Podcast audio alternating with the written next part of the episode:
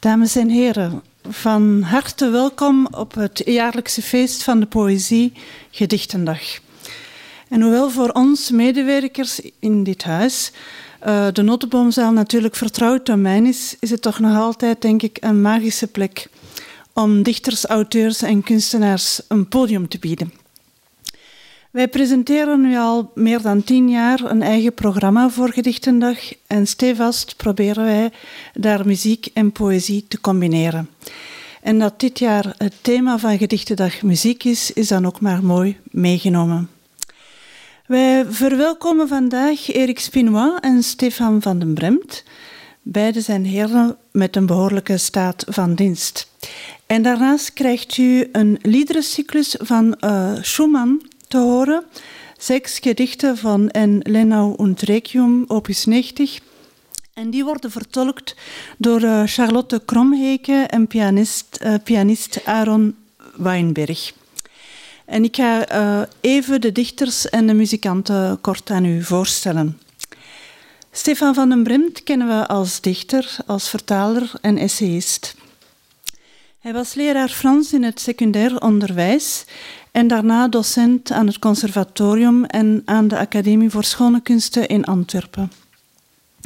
Hij debuteerde in 1968 onder het eh, pseudoniem Stevie Braam met de bundel Sextant, waarmee hij meteen in de prijzen viel van het beste literaire debuut. Een bundeling van zijn poëtisch werk van 1968 tot 2002 verscheen bij Lano onder de titel In een mum van taal. En in 2005 verscheen eveneens bij Lano zijn dichtbundel met de titel A. Ook als vertaler is Stefan van den Bremt internationaal gekend en gelauwerd. Hij vertaalde onder meer uit het Frans, uit het Spaans en uit het Duits klinkende namen als Emile Verharen en Maurice Maeterlinck, Ottavio Paz, Bertolt Brecht en Frans Kafka, om er maar enkele te noemen. Zijn poëzie werd aanvankelijk tot het nieuw realisme gerekend en getuigde van een sterke maatschappelijke betrokkenheid en engagement. Met der tijd werd ze steeds meer taalgericht en werd taal minder een middel dan wel een doel. Stefan van den Bremt ontving in 1980 de Louis Paul Poonprijs voor zijn gehele oeuvre. Erik Spinois is hoogleraar Nederlandse letterkunde aan de Universiteit van Luik en daarnaast uh, dichter en essayist. Na twee dichtbundels die hij samen met Dirk van Bastelaren publiceerde, verscheen in 1986 De Jagers in de Sneeuw. In deze en volgende bundels toont hij zich een dichter van de intertextualiteit, die veel ruimte creëert voor gedachte, reflectie en commentaar en veelvuldig refereert aan andere literatuur en kunstwerken. Ook Erik Spinois behaalde meerdere prijzen. Zo ook zijn laatste bundel, Dode Kamer, uit 2011, waarin hij onder meer zijn fascinatie voor hedendaagse kunst toont, werd bekroond met de prijs voor letterkunde van de provincie West-Vlaanderen. Naast zijn eigen creatieve werk publiceert hij ook regelmatig bijdragen over Nederlandse letterkunde in diverse literaire tijdschriften. In 1912, ah, sorry, in uh, eh, 2012 schreef hij op vraag van het Vlaams Fonds voor de Letteren het Gedichtendag-essay. En daarin stelt hij vast dat het uh, barre tijden zijn voor de poëzie. Ze kampt met heel wat moeilijkheden, weinig belangstelling, belangrijke uitdagingen, maar hij houdt ook een vurig pleidooi voor het belang, de noodzaak en de onontkoombaarheid van poëzie. En zoals daar juist aangekondigd, uh, brengen we ook muziek met pianist Aaron Weinberg en sopraan Charlotte Kromheken. Zij brengen voor u liederen van Schumann. Charlotte Kromheken behaalde in juni 2011 haar bachelordiploma aan het Conservatorium van Antwerpen, zang. En zij werkt daar nu verder aan haar master. Zij was uh, al te horen in verschillende producties van het conservatorium. En in december 2011 maakte zij haar debuut in de Koninklijke Muntschouwburg van Brussel als Esprit in de opera Cendrillon van Jules Massenet. Aaron Weinberg werd geboren in een muzikantenfamilie in Antwerpen. Ook hij studeerde aan het uh, Conservatorium van Antwerpen, onder meer bij uh, Levente Kende en ook in Italië. En al op 12-jarige leeftijd uh, was hij laureaat met de grootste onderscheiding op de Cantabile-wedstrijd in Antwerpen. En vandaag heeft hij een heel palmares aan prijzen op zijn naam staan. Zij uh, treden regelmatig op als duo, Charlotte Kromheke en Aaron Weinberg. En ze werden in 2011 uitgenodigd om te conserveren in New York in de Carnegie Hall. Ik, uh, na deze korte voorstelling denk ik dat het tijd is dat we nu met z'n allen gaan genieten en luisteren naar de dichters en de muzikanten. Ik zie jullie heel graag terug na de voorstelling, waar we traditiegetrouw een receptie aanbieden en met jullie allen samen kunnen toosten op dit mooie feest van de poëzie. Veel plezier.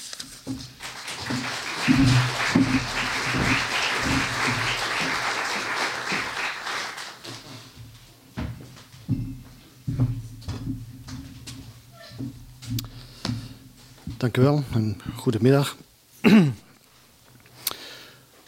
Het woord plek is hier al gevallen uh, om de lof te zingen van de plek waar we ons hier op dit moment bevinden. Het woord plek is buiten deze ruimte de laatste tijd ook gevallen. Uh, in, verband met, in verband met de poëzie. er is uh, nu de jongste uren en de jongste dagen een discussie losgebarsten over het stadsdichterschap van deze stad. Dat misschien niet meer nodig zou zijn, volgens sommigen, en wat door anderen heel erg wordt verdedigd. Er is bijvoorbeeld in Nederland op dit moment een, uh, weer een dichter des vaderlands aangeduid. Dat is blijkbaar een dichteres dit keer, dat zou Anne Vechter moeten zijn. Uh, dichters dus die geassocieerd worden met een plek. Um, dat is nu net uh, waar ik dichterschap helemaal niet uh, mee associeer. ik heb, als ik ooit met poëzie ben begonnen en als ik ooit door poëzie gegrepen ben geraakt, dan heeft dat volgens mij te maken met het feit dat poëzie voor mij vooral plaatsloosheid uh, heeft betekend.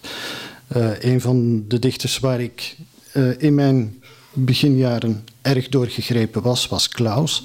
Klaus die zijn eerste poëzie schreef in het teken van Antonin Artaud. Artaud die hij beschouwde als de kapitein van wat hij noemde de ontwrichten, de nooit gelanden. Zij die geen plek hebben.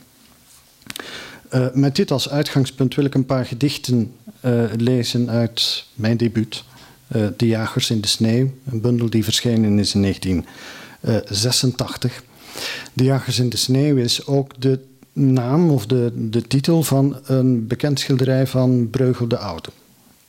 Een schilderij dat in het Kunsthistorisch Museum in Wenen is te zien. Um, prachtig schilderij, vind ik zelf. Maar een schilderij dat ik vooral bekeken heb um, in het licht van een andere Vlaamse dichter. Naast Klaus was Van Ostaaien ook heel belangrijk voor mij. In, uh, laten we zeggen, uh, wat, wat men dan in het Engels noemt, my formative years. De jaren die mij gevormd hebben. En... Uh, ook Van Ostaaien had het in verband met Breugel, met name over plaatsloosheid. Hè, geen plaats vinden in de wereld. Hè, wat dus ook voor mij belangrijk is in uh, poëzie. Ik wil u uit de reeks De Jagers in de Sneeuw, de titelreeks van de bundel, dus een paar gedichten lezen. Een terugkeer met de noorderzon. Gebogen lopen jagers, honden, het gezicht zwelt in. Op hun schouders ligt de eindeloze hangmat van het licht. Met moeite buit. Een vos. Alleen wie toekijkt kan het zien. Alleen wie waarlijk ogen heeft, verstaat. Want slechts met afgewend gezicht ontbloten ze het masker van de spijt. Waar ze waren, blijft geheim. En wat ze zagen, is niet uit te spreken. Maar dat ze weten staat als bomen bij hen en ook dat dit een aftocht is. Hun onverhoopte aankomst in een huis van ingesloten open lucht.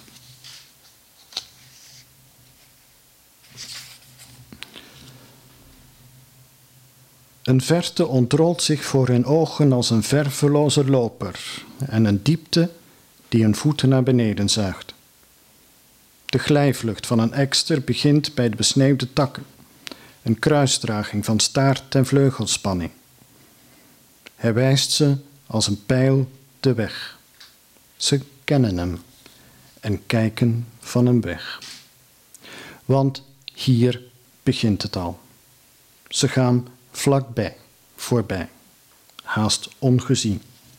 Het huis, een kroeg, het vuur, een klein huil en mensen opgesloten in vermeende bezigheid. Een uithangbord hangt nog met één hand zwaaiend vast en wuift. Een teken van herkenning.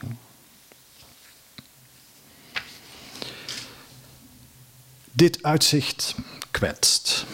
Mijn ogen knipperen verblind en pijnlijk als ze, zoals zonen, aan het sterfhuis van een vader aan een nieuwe lichtbron moeten wennen. Er is geen horizon. Pijloos ver, een mijlenbreed plat land dat op een dienblad bezigheden toont, door onbeweeglijk duizendjarig kijken waargenomen. In deze sneeuw geen spoor van medeleven. De helling is een toren met de marmerogen van een bovenmens, bevroren in rechtvaardigheid en witte steen. Met niets mengt zich zijn ongelooflijke zuiverheid. Niets bevlekt zijn blik. Niets besmet hem of verdoezelt. Niets verlicht de ongeneeslijke pijn. En een laatste uit deze reeks. Dat ze spelen is gevaar bezweren, doen alsof het nog kan worden afgewend. Dat ze werken is iets tegen beter weten in. Iemand op de brug draagt hout en vreest de overkant. Een kar rijdt traag, maar rijdt. Ver weg zal straks een schoorsteenbrand onblusbaar zijn en wordt een dorp bedreigd door vingernagels van gebergte. En hierin komen jagers thuis. Dat wil zeggen, ze belanden. Nog even blijft het kijken, ademloos, alleen, vasten in een stad vol carnaval, een schilder op een boerenfeest. Alleen, afzijdig kijken. Alleen en afzijdig, dat kan natuurlijk niet blijven duren. Je bent wel verplicht om op de een of andere manier een verhouding te vinden. Ehm, en je een plek te zoeken, je op, op een of andere manier te nestelen uh, in de wereld waarin je wordt geworpen. Uh, hoe dat gebeurt, uh, daar, daarover gaat een bundel, dat is eigenlijk het belangrijkste onderwerp van een bundel die ik in 2002 heb gepubliceerd. En die de, die de tegelijk dreigende en sprookjesachtige titel Boze Wolven heeft gekregen.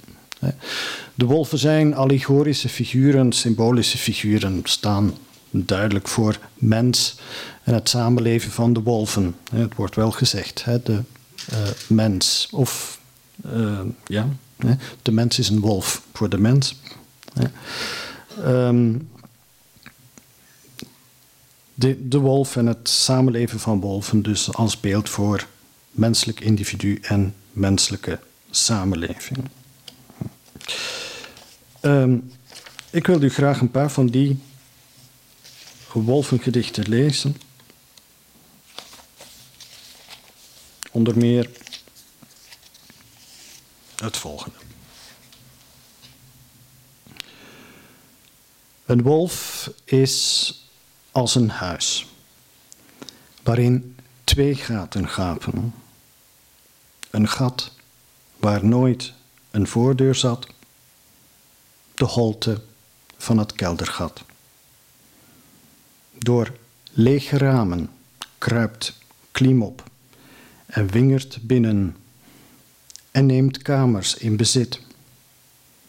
In kelders huist het ongewervelde en draait en draait zijn blinde cirkelgang. Een wolf als een huis waarin twee gaten gapen. Een wolf bent als een huis dat op twee manieren in bezit genomen wordt. Door de taal die om ons heen circuleert, maar ook door wat, in, wat ons drijft en waar we vaak zelf geen begrip voor hebben.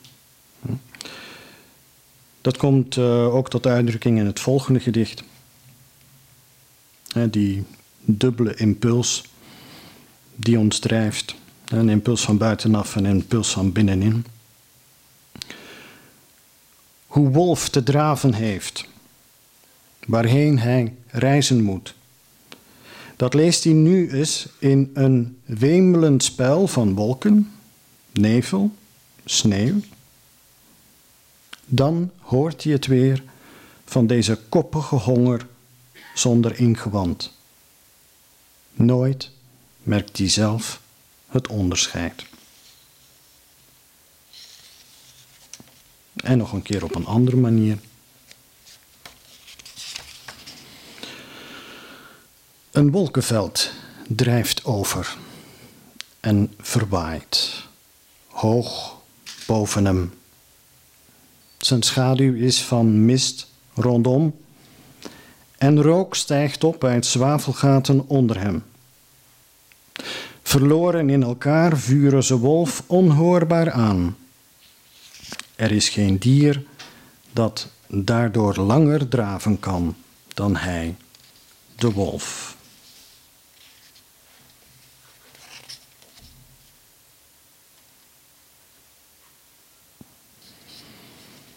Gesneeuwd heeft het in deze vlakste aller vlakten. Een wolf voelt zich geroepen tot bewegen en zet zich dan ook werkelijk in beweging. Een goede wolf draaft links, de dageraad tegemoet. Kwade wolven ook. Je zult de naam maar hebben, beschoten uit de lucht, van hogerhand, vervolgd door heli's, vliegtuigen op skis, twaalf vlekken duikend, hijgend, hakenslaand en pissend van de schrik, vergeven door strychnine in karkassen en massaal vernuftig later het sluipend gif van middel 1080 met grof geschut, lokaas, verdoken vallen en het fluisteren van kruisboogpijlen. Verdoofd, de ballen weg, het wijfjesapparaat eruit gehaald. Zes welpen in een warme hol voorgoed in slaap gedaan. Geklets en achterklap heeft zo hun koude pels geraakt. Tot slot, want de tijd gaat veel te snel helaas. Een paar dingen uit uh, mijn jongste bundel. Ik had het over plaatsloosheid. Eigenlijk is dat uh, opnieuw een uh, centrale gedachte in mijn jongste bundel, die Dode Kamer heet. Een uh, dode kamer is geen kamer waar een dode ligt. Hè. Een dode kamer is het uh, gewone Nederlandse, of de gewone Nederlandse uitdrukking voor wat in het jargon heet een anechoïsche kamer. Een kamer zonder echo. Een kamer die zo, zo, is, zo is gebouwd dat echo's er geen plaats kunnen krijgen. Een soort isoleercel bijna, waar alle geluid meteen wordt geabsorbeerd. Een plek die ons als het ware uit onze vertrouwde werkelijkheid haalt. Ja. Uh, de bundel bestaat uit drie reeksen, waarin dat, die gedachte eigenlijk op, telkens op een heel andere manier vorm, vorm krijgt. En um, de eerste reeks gaat over een verre reis. Een reis die me tot mijn eigen verrassing, uh, die op, tot mijn eigen verrassing ook een erg desoriënterend effect uh, op mij bleek te hebben. Ja. En dat uh, heb ik proberen tot uitdrukking te laten komen in um, de gedichten uit die reeks. Ik lees er een paar.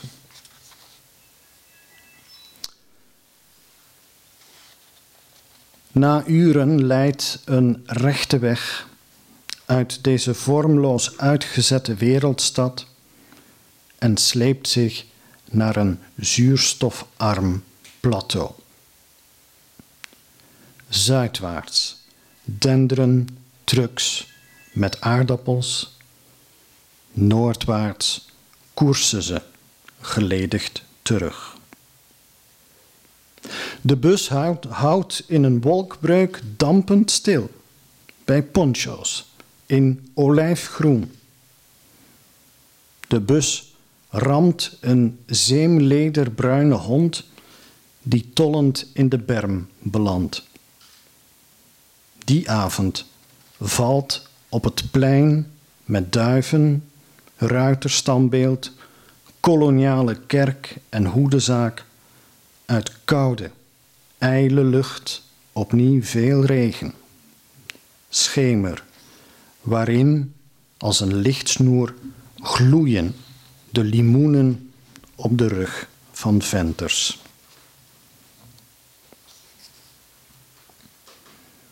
Het volgende gedicht is een restaurantscène. Ongrijpbaar vraaggesprek met achter hen drie gloeilampradio's in donkere houten kisten opgebaard. Eén kakkerlakkenkleurige propeller snorrend in een keukenraam. Wat zal het zijn? Wit hete kip, gekookte cotelet, papaya, iets oranje-roods, een taartpunt ananas, bonen, mais, of repen spek, een roerei, goed gietijzersterke koffie schroeft zich, stomend nog, de darmen in. Vlakbij staat achterloos een ander restaurant in brand.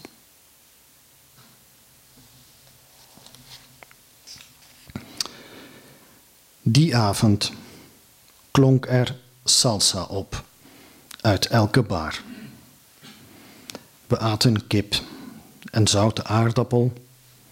We dronken bier en witte rum die zoet als water was. En naast ons stak er uit een muts een aangezicht nog bruiner dan en rimpelig als een walnoot. We waren pijloos moe nadien. We sliepen in een kaal convent en plots was het geen zeven graden meer en hield zij, de Maleise, niet met rillen op. Er werd een ketel hete thee gezet. Ze droeg je zeemans blauwe trui.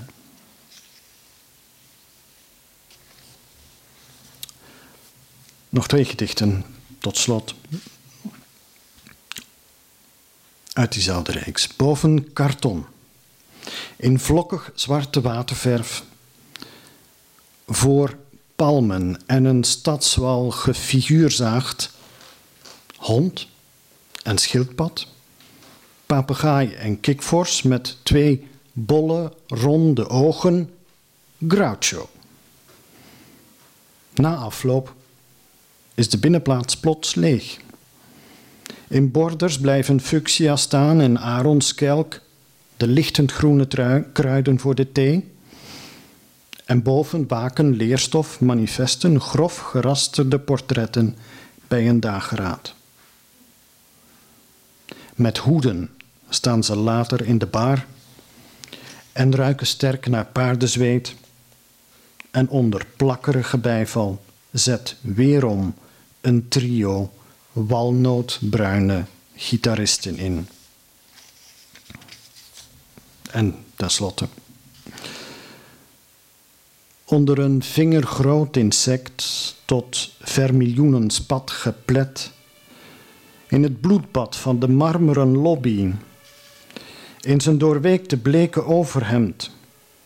In smeltsneeuwwitte rook, een krans van haren en als grauwe rook zit hij en zit zijn bleke, anorectische bruid en laat geen oog van al zijn rimpels. Een lavastenen haard wordt aangemaakt. De tongpunt schrikt van fijn gemalen ijs, citroen, van al dat zout op deze glasrand. Ik dank u wel.